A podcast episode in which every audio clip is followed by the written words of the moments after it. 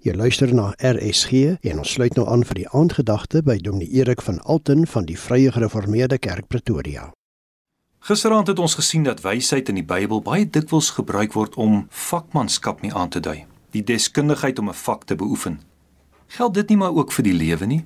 Soos die wysheid van die vakman bestaan in die deskundigheid om sy beroep uit te oefen, So bestaan die lewenswysheid vir elke mens in die deskundigheid om die lewe en al die verskillende situasies wat in die lewe op ons afkom te kan bemeester.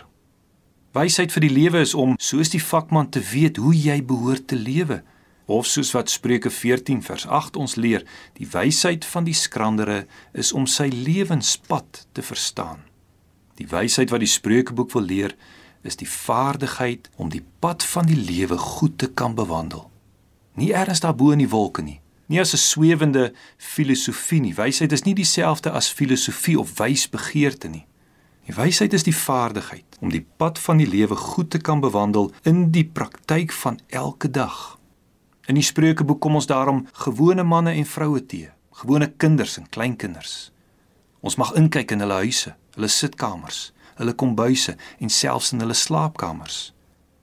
In die Spreukeboek gaan dit oor eet en drink, oor handel en ekonomie, oor ontmoetings en gesprekke, oor konings en bedelaars, oor kriminaliteit en regsaake, oor seksualiteit, oor lui wees en baklei.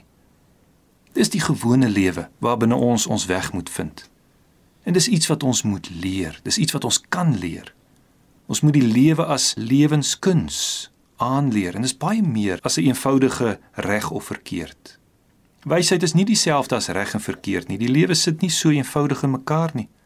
Natuurlik sluit wysheid wel reg en verkeerd in. Natuurlik gaan wysheid ook oor die gebooie van die Here.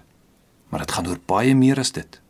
Wysheid is om, soos Paulus bid in Filippense 1 vers 9 en 10, te groei in liefde en kennis en ervaring om die dinge waar dit op aankom te kan onderskei. Dit vra fyn aanvoeling. Dit vra onderskeidingsvermoë. Hoe kosbaar is die verwerwing van hierdie kuns en hierdie kunde om reg te kan lewe. Kosbaar vir jou persoonlike lewe, kosbaar vir die kerk van die Here, kosbaar vir die mense om jou heen.